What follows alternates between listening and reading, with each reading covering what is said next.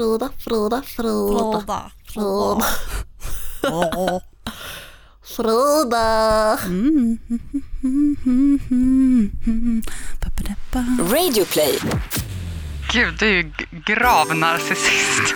Do you have this book by Paulo Coelho? Nej! Without you it's hard to survive. Hej Flora. Hej Frida. Hej. Hej. Eh, hur mår du? Ehm, jag önskar att du hade frågat mig det här igår kväll, för igår kväll mådde jag bra. Ja. Men idag vaknade jag upp.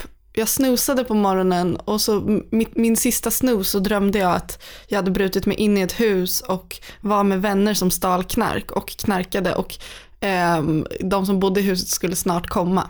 Åh, och du var lite stressad. Ja, alltså jag vaknade med sånt tryck över bröstet och det har inte gått ut, och, eh, eller gått ur. Men åh, jag har haft ångest i en vecka i, i sträck. Och Ja. bara, Och, och sen så är det så om man känner sig lite så här, om man är lite skör, jag känner det också nu själv, att det krävs så himla lite som, alltså, för att man ska få ångest. ja verkligen. Eller det krävs väldigt, väldigt lite påfrestning för att, för att man ska trigga igång och, och känna att saker är, är jobbigt. Ja, men man, känner, alltså man blir så känslig för så stämningar och blickar och Ja. ord också. Att så här, oj, har jag sagt något fel? Och nej. Ja. Alltså, jag liksom skrev till Nim häromdagen på Facebook-chatten för jag kom på, jag skulle sova och kom på att jag hade tagit, när vi var på Island, att jag hade tagit en så värmekudde av henne som man så knäcker och som blir varm i handen. Ja. Eh, utan att fråga för jag bara hittade den på sätet och tänkte mig inte för och bara tog den. Ja. Eh, Och jag tror verkligen att jag bad om ursäkt för det sen, även i bilen på Island. Men du vet att jag bara öppnade ögonen och bara, gud vad pinsamt att jag tog den här värmekudden i oktober typ, eller november eller vad det var. Gud, Nim har då- tänkt så lite på det sen dess. Ja, men, så då var jag tvungen att skriva till henne och bara, förlåt för att jag tog den där värmekudden. Alltså förstår du, det är på den Ja. nivån att jag så går runt och nojar.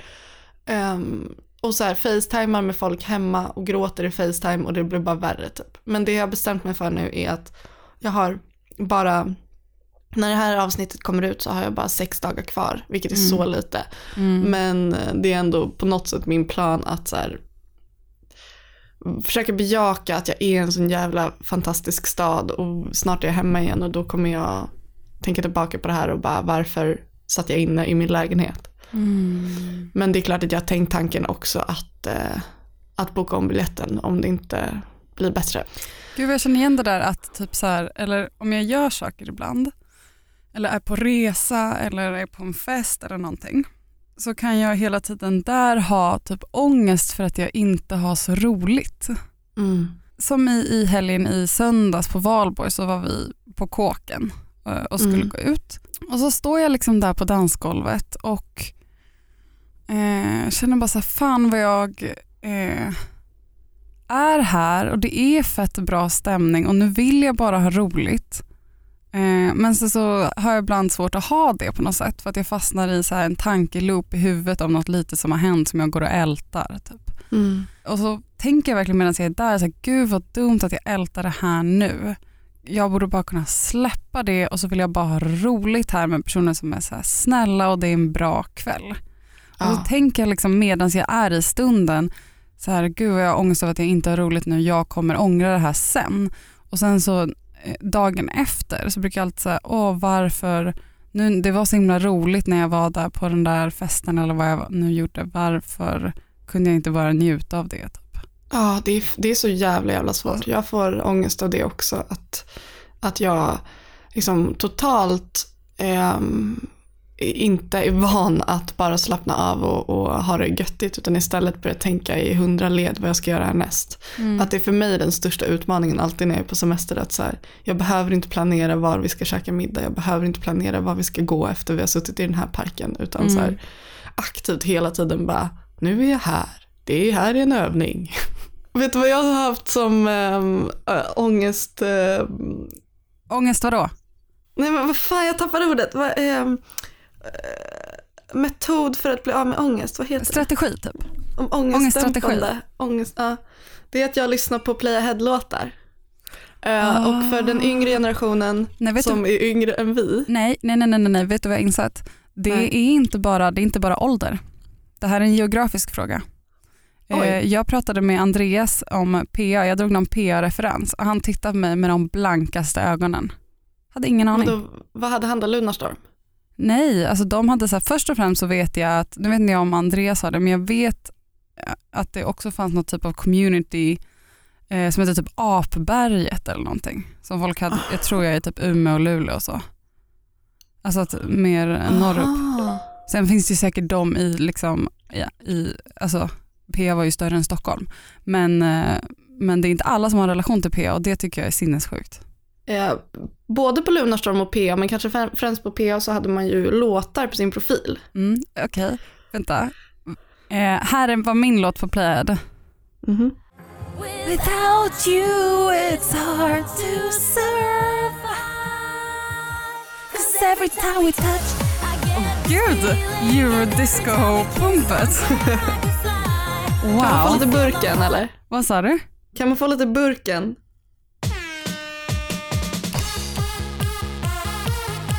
Alltså gud. Jag blir så himla uppspelt av det här. Frida, Ja. alltså jag har verkligen kommit på att den här ehm, Do you wanna be my fjortis boy, att den har präglat mig jättemycket. Alltså så här hur man, för den, så här, hej, nu ska jag berätta en saga om en liten gullig tjej som fyllt 14, hon är säkert allra vackrast på jorden. Alltså den är så himla grafisk och typ konkret och Ja. att jag tror att det har präglat min sexualitet ganska mycket. Typ så här att man är lite smutsig fjortis tjej och att det på något sätt är lite okej typ. Mhm. Jag känner så himla starkt för den här låten och så Du här, vill lobba för liksom att du har fått väldigt mycket feministisk frigörelse från Do you wanna be my fjortis boy? eh, ja men ändå så här så jävla härligt att exponeras för ganska eh, grova saker i ung ålder. Ja. Oj. Ehm, jag Ja. pratade med min mamma idag och hon, hon berättade att min kusin inte har läst min eh, roman Stanna för att hon är rädd för att det ska vara för mycket sex i den. Och min Va? kusin är tonåring. Och eh, jag blev så himla tagen av det och bara så wow, just det, så kan det vara också. Att man inte vill exponeras för sex för att man blir så här generad. Ah. Speciellt kanske om det är då en släkting som har gjort produkten. Så. Ah. Men eh, ja, för mig var det helt tvärtom. Alltså jag bara gottade, man rullade runt i, i sexscener. Liksom. Var inne på ehm, Fridas forum och läste sexnoveller och skrev Mhm. sexnoveller under Mhm. nicknamet Upphetsad. Va?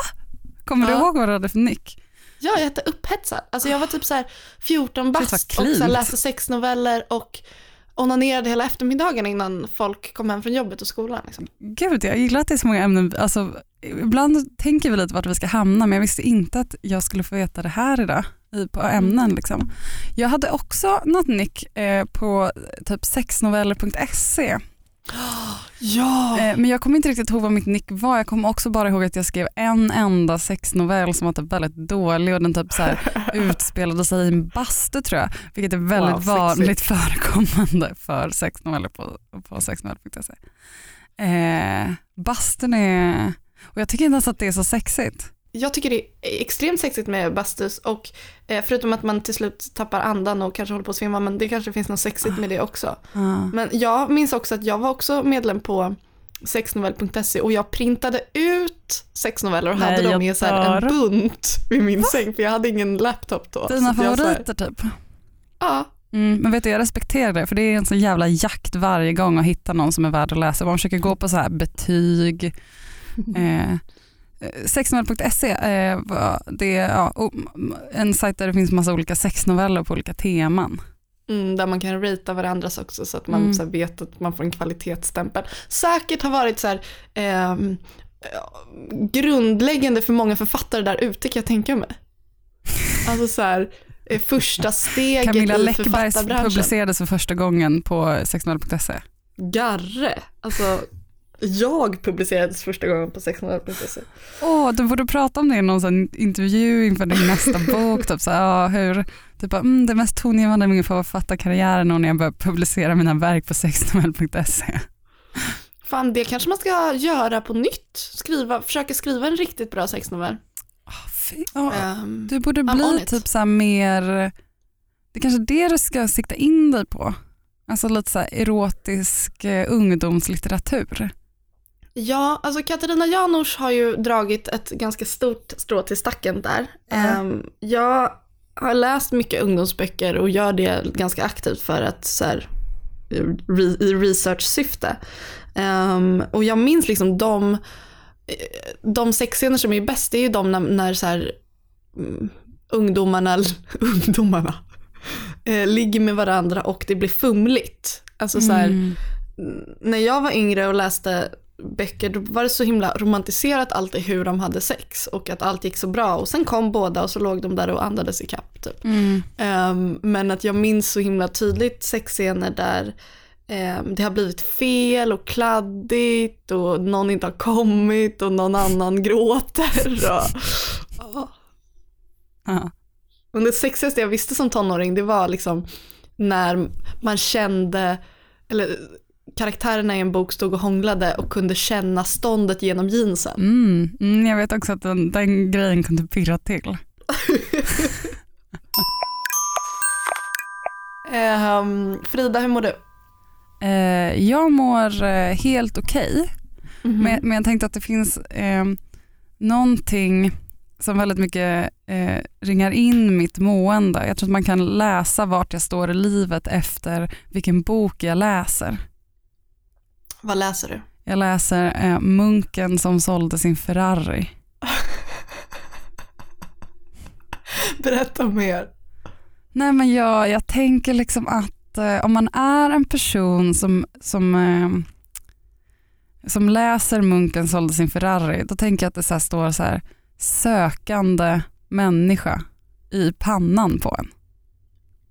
Ja, verkligen. Alltså att man verkligen är en sån människa som så här söker efter alltså, svar. Det är typ så här, hej jag vill ha typ basala svar om, om livet på ett Vad lättillgängligt förpackat sätt. Nej, men jag, har inte, jag har inte läst ut det, jag har inte kommit så långt. Jag vet, eh, boken handlar ju alltså om, om en så jättelyckad advokat eh, som lever på hårt och stressar och sen bryter ihop, känner jag måste förändra mitt liv och eh, drar någonstans och lever med typ munkar och lär sig, lär sig hur man lever ett eh, hälsosamt och, och lyckligt eh, liv. Alltså har du läst Alkemisten av Paolo Coelho? Eh, ja, och jag har också läst eh, typ Pilgrimsvandringen. Gud, alltså det var så roligt. Häromdagen så gick jag in på en bokhandel med min kompis Agnes. Och så kommer det in en kille, det, är så här, det finns inte så många internationella bokhandlar här i Lissabon. Mm. Så, så, de, så man samlar sig på de platserna då. och sen så eh, satt vi där och skulle hitta något att läsa och så kommer det in så en blond surfig kille som bara Hi, do you have the Al- Alchemist? Jag vet inte ens vad det heter. do you have this book by Paulo Coelho? Och man bara, åh herregud, det här är verkligen så här urtypen av en person som så här är på resa och vill hitta sig själv, som går till den internationella bokhandeln för att köpa en bok som ska ge svaret på alla livets Ja. stora frågor. Mm. Jag är han. Mm, herregud. Get Men- out of here. Nej, men alltså Nej. den är fett mysig att läsa. Jag tänker Ja, stå alltså- för att jag läser den. Gör det. Du vet ju också att så här, gillar man citat som förändrar livet så kan man prata med mig om det för jag gillar också sådana citat. Ja. ja, och ibland så bör man så här, jag vet inte, jag tror man bara får så här acceptera att vi människor är ganska så här basic. Ja, Alltså man mår bra av att läsa Munken sålde sin Ferrari. ja Och sen om det känns klyschigt, eh, då, då, då är det så. Men visst, det det, så. finns stunder i livet där man kan behöva en Alkemisten-bok. Ja, alltså jag tycker att jag upplever det jättemycket här i Lissabon att många, det, det finns en ganska stor så här hippiekultur här. Mm. Eh, så här, folk är bohemer. Ehm, och en, Mm. igår var jag på middag hos en kompis eh, och eh, hennes man och då pratade de om hur så här, de i livet vill vara personer som hjälper andra. Mm. Eh, vilket också så här, låter som en floskel när man säger det men, men Sverige som sådant är väldigt så här, individualistiskt. Eh, och här så är det mer att man eh, liksom om någon flyttar så hjälper man att flyttpacka eller Mm. om man är bjuden på en middag så tar man med sina andra kompisar utan att fråga. Mm. Ehm, och att jag bara blir i, i, i det banala som det ändå är att, att så här, vilja hjälpa andra så kan jag också tycka att det finns något så himla fint i att så här, nej men det är klart som fan att jag tar min lördag till att hjälpa den här familjen att flyttpacka. Mm. Ehm, så att, eh, och det där har jag inte lärt mig av att, att läsa Alkemisten utan det har jag då lärt mig av att gå på middag med några som har flyttat till Portugal för att leva ett mer bohemiskt liv. Mm. Jag såg ett klipp igår om, om eh, att man kan börja 3D-printa hus. Okej. Eh, och då var det en video på hur de först gör som en form i något typ av skummaterial och sen så fyller man på, fyller man i med betong Mhm. och sen så kan man liksom bygga dem, alltså även om det är ojämnt material så kan den liksom känna av så att, den blir, att allt blir jämnt och så kan man så välja form och, och så en- sånt. Eh, och det kändes så himla tryggt att se det klippet och då känner jag bara så här, för fan vad skönt att det finns människor som, eh, som tänker. Ja. Alltså, jag vaknar på morgonen och bara, hmm, eh, vad ska jag äta till frukost? Typ. Vad ska jag ha för outfit? Vilka skor ska jag ha? Sånt tänker jag på. Och då känns det tänker på tryggt. just nu eller tänker på i allmänhet alltid? Varje dag. Jag vaknar så här, hmm, vad ska jag äta till frukost? Eller hmm, Okej. vad ska jag göra eh, i, i mitt liv? Hmm, det vore kul att eh, gå på bio ikväll. Betryggande att någon annan eh, tar världen framåt. Ja, Mm. exakt. Det känns tryggt att någon liksom tänker ett steg längre än vad ska jag Mm. äta till frukost. Och så gör de 3D-printers för hus.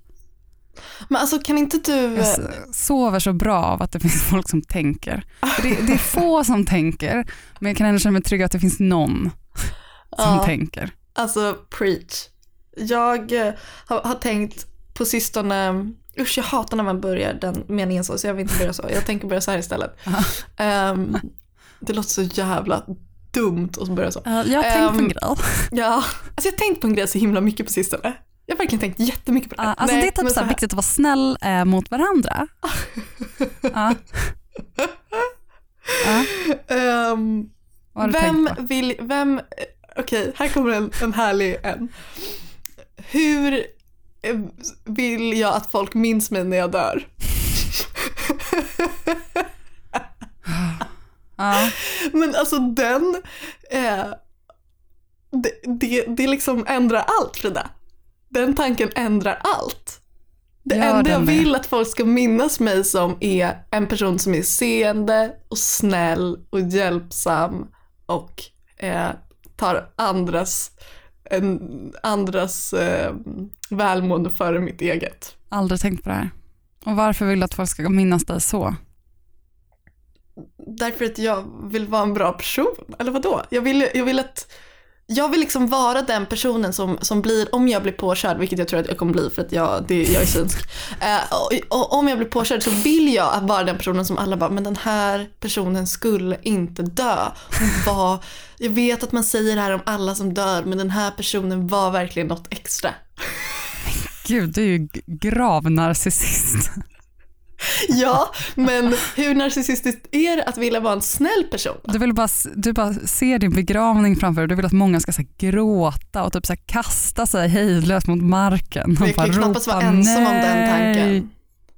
Alltså, jag tänker bara att, att det här grundar sig i att jag vill vara en snäll och seende person som, som liksom går fram till den som står i hörnet på festen och ser ensam ut och säger hej, hur är läget? För att jag tror att det är det som krävs av oss.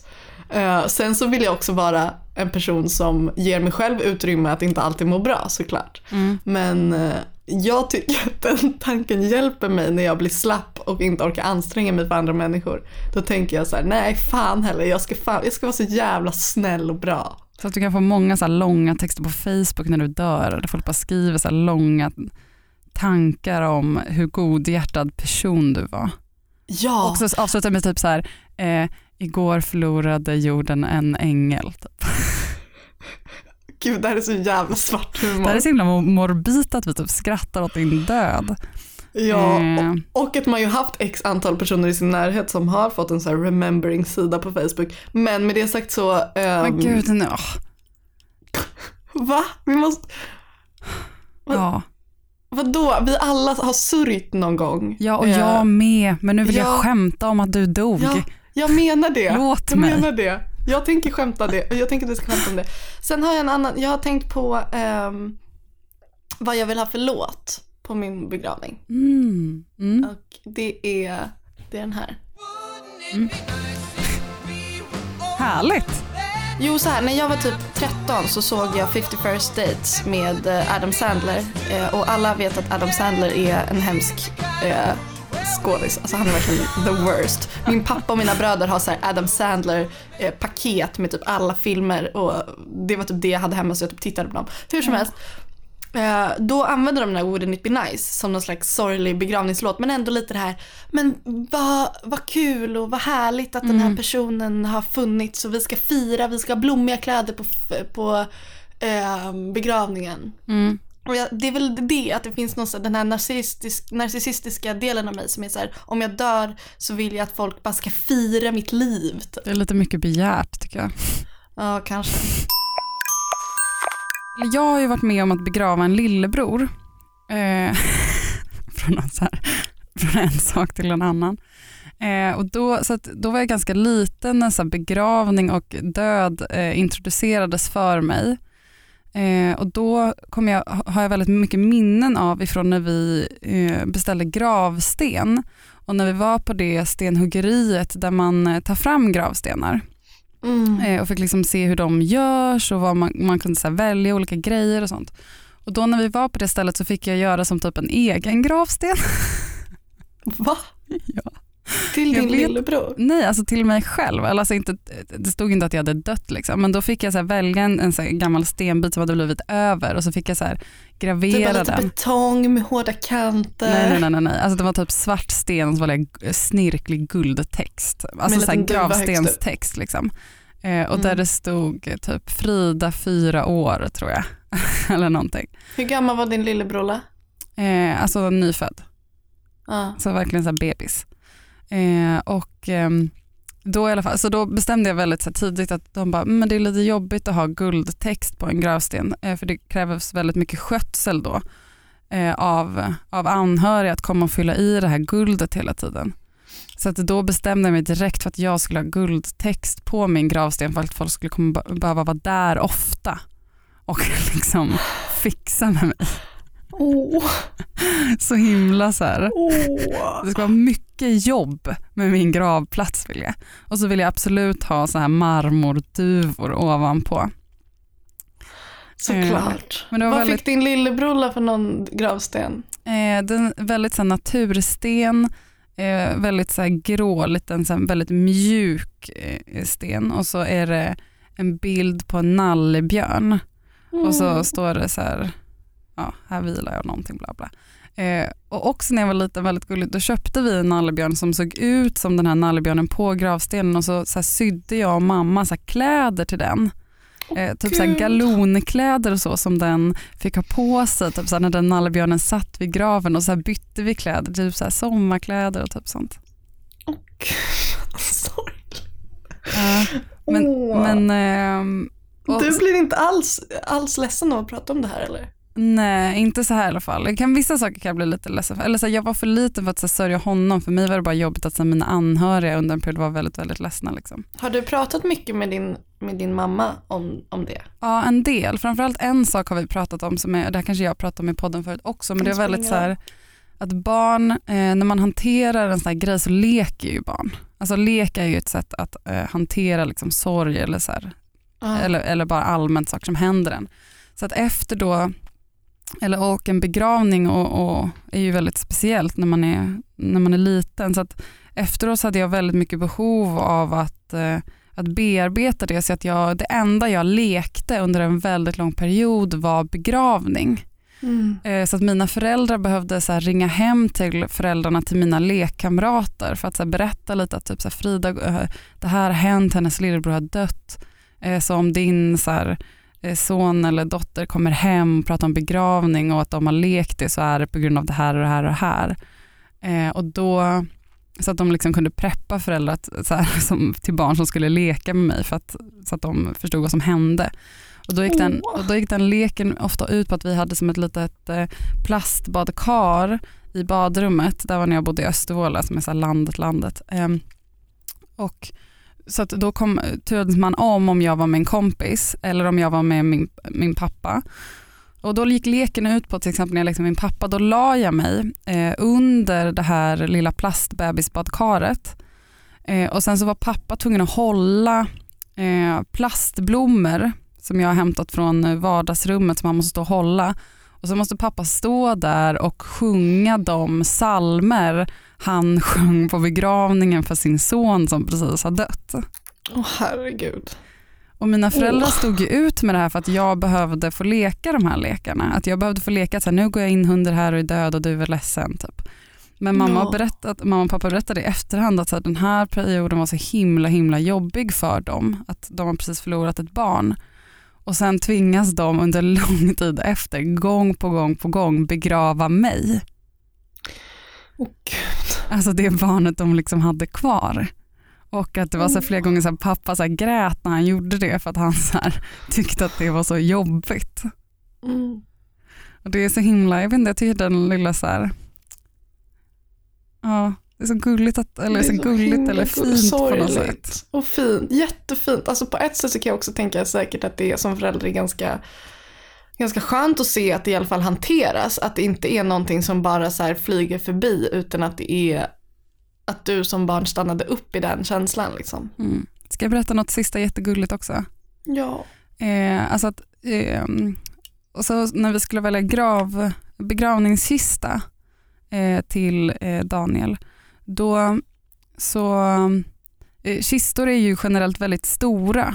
Alltså Mm. för att man gör ju kistor mest till ja, fullvuxna personer. För det är oftast Mm. de som ska ha en gravkista. Eh, men Daniel var ju så himla himla liten. Eh, och då i, på begravningsbyråer så har de ofta såna här provkistor eller så testkistor. Eller inte test, vad ska man säga, de är så här displaykistor. Liksom.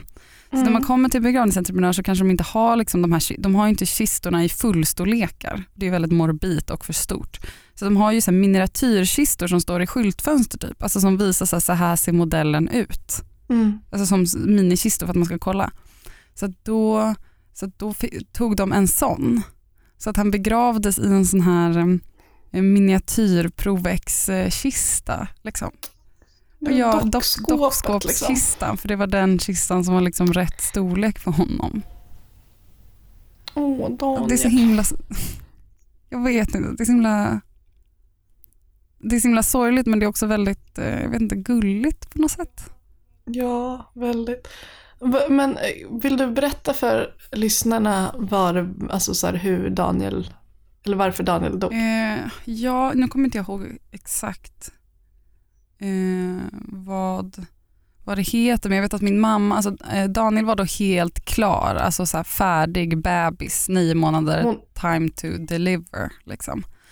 Eh, men helt färdigbakad. Eh, så att hela graviditeten var klar och man, man var så himla redo för att jag ska få en lillebror och man kände så sparkar och lyssna och allting klart. Liksom. Eh, men då, Ja, fatta din, dina föräldrar som har gått och preppat för dig ja och burit månader. på den här saken som sparkat i ens mage i nio månader. Liksom. Fan. Eh, och sen så blev mamma sjuk och fick något typ av virus eller någon förkylning. Jag kommer inte, ah, gud, jag är jätteledsen, jag kommer inte ens ihåg vad det här är. Om det heter något typ av så här papillevirus, bla bla. Skitsamma. Eh, och, då, så då, eh, och det är ett, ett virus eller en, eller en förkylning typ, eller en sjukdom som inte är farlig för mamman men om man får det just i graviditeten kan det vara jättefarligt för barnet.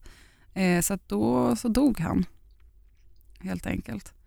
Eh, Gick din mamma och din pappa i terapi och sånt efter det? Ja. Liksom, mm. det måste ju varit helt fruktansvärt. Ja, och de fick kontakt med en väldigt bra präst eh, väldigt snabbt som heter, eh, Jan Björklund heter han. Och han har också skrivit väldigt mycket böcker.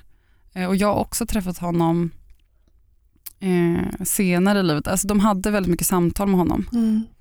Eh, och det finns, eh, han har skrivit väldigt många böcker och i en av de böckerna så står det också om eh, Daniels begravning. Eh, för att han skriver om att ehm, eh, först var det då gudstjänsten i kyrkan och sen var ju kistan så himla liten så att eh, pappa bar kistan själv i famnen, liksom, den lilla kistan efter gudstjänsten ner till ja, kyrkogården. Liksom. Mm. Och då skrev han om det stycket också i den boken. Gud, det förstår jag verkligen. Jag kommer direkt att tänka på um, världens eh, kortaste roman som är eh, en mening av Ernest Hemingway som är så här For sale, baby shoes never worn. Det, den den um, meningen används ofta i skrivsyften när man pratar om så här, hur kan man fylla, hur kan man ladda en text med så mycket eh, som möjligt i, i kortast, i, i, vad säger man, med så få ord som möjligt. Mm. Och det, for sale, baby shoes never worn. Alltså det är så Mm. otroligt sorgligt. Mm, Mm. verkligen. Alltså skål för Daniel. Att Skål. för Daniel. Skål. Hur gammal hade han varit idag om, om han hade levt? Eh, han hade varit typ 19 i, idag. Eh, och vi har alltid så firat hans födelsedag när jag, när jag bodde hemma. Och Mm. delvis för att det var nog viktigt för min mamma att komma ihåg. Eh, och delvis för att, eh, Inte Eh, för din pappa eller? jo, jo, min mamma och pappa. Eh, men, men också har jag tryckt på det väldigt mycket för att det innebar att jag varje år kunde köpa en present till mig själv. Jag bara, mm, nu fyller Daniel snart år, nu måste jag gå till leksaksaffären och köpa någonting till honom. Man bara, okej. Mm. Och jag bara, hm, jag tror han väldigt gärna vill ha det här klippslegot. Man Men det är ändå okej. lustigt att, att ehm, jag tänker mig att en vanlig reaktion på sådana här förluster är att det är, så här, det är värst för mamman. Ja, Och det är klart, om det är ett heteroförhållande, men det är klart att ehm, mamman har ju gått runt och burit på barnet, men Mm. det måste vara väldigt speciellt. Jag kan tänka mig att din mamma och din pappa fick, möttes av väldigt olika reaktioner efter en sån här händelse. mm, säkert, jag har inte så mycket insikt i det. Jag vet att det tog ju väldigt hårt på båda såklart, Mm. men jag tror också att det är något speciellt att, ehm, eller tror att det är ju självklart också något speciellt då, att det, det alltså han hann ju inte födas. Eh, så att då blir det något väldigt speciellt för mamman som har faktiskt burit eh, på det här barnet inom sig så pass lång tid. Mm. Då har man ju ett, ett em, ja, speciellt band som pappan kanske som inte hinner hämtas igen på samma sätt Mm. när den kommer ut. Liksom.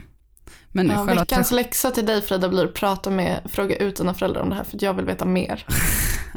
Inte för att gotta mig utan för att jag är så sjukt tagen av, Ja, okej kanske lite för att gotta mig. ja. Men det finns en, mamma har en bild hemma som alltid är uppe och det är en bild på Daniel när han ligger i en sån här, de här små vagnarna som bebisar läggs i när de är, har kommit ut. Liksom. Det är såna här Mm. plastfyrkanter.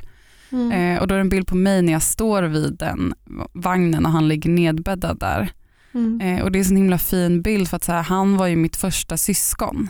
Ja. Eller så här, jag, var ju stor, jag hade ju blivit stora syster. Eh, och jag visste ju att han hade gått, var, så här, dött och, och så, att mamma och pappa var ledsna.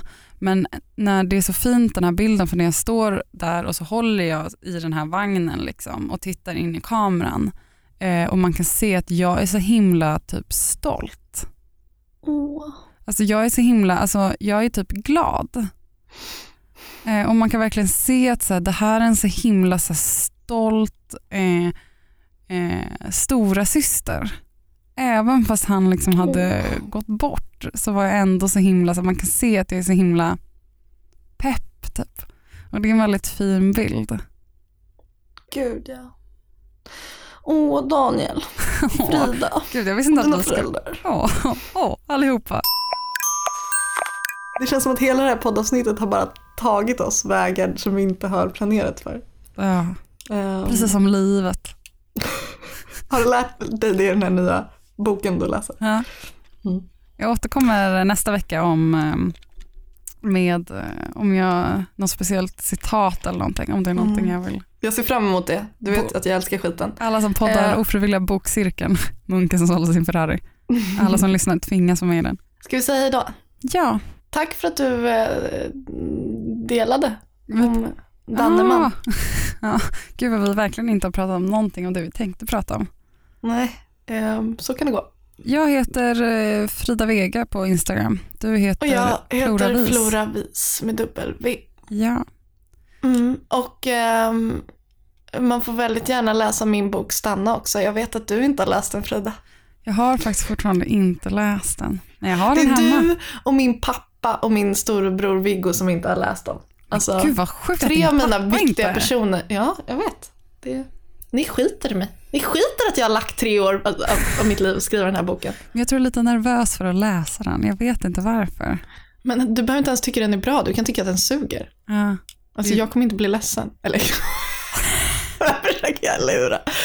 Nej men, eh, nej, du behöver inte läsa den om du inte vill. Men jag vill det läsa hade varit den. kul. Det, det hade ju varit helt okej kul om du läste min bok faktiskt. Mm. Mm. Mm. Jag ska. Sommarläsning kanske? Ja. Stanna heter den i alla fall, hörni you guys. Och jag har släppt en tidning som heter Nuda. Köp den. Bara, bara gotta er, bara simma i havet av ord och bilder vi, vi bajsar ut ur oss. Au. Au. Hashtag Flora Frida. Vi hörs och ses nästa vecka. Snart är vi återförenade i poddstudion i Stockholm och det ska bli så jävla gött. Ja, verkligen. Puss och kram! Hej då.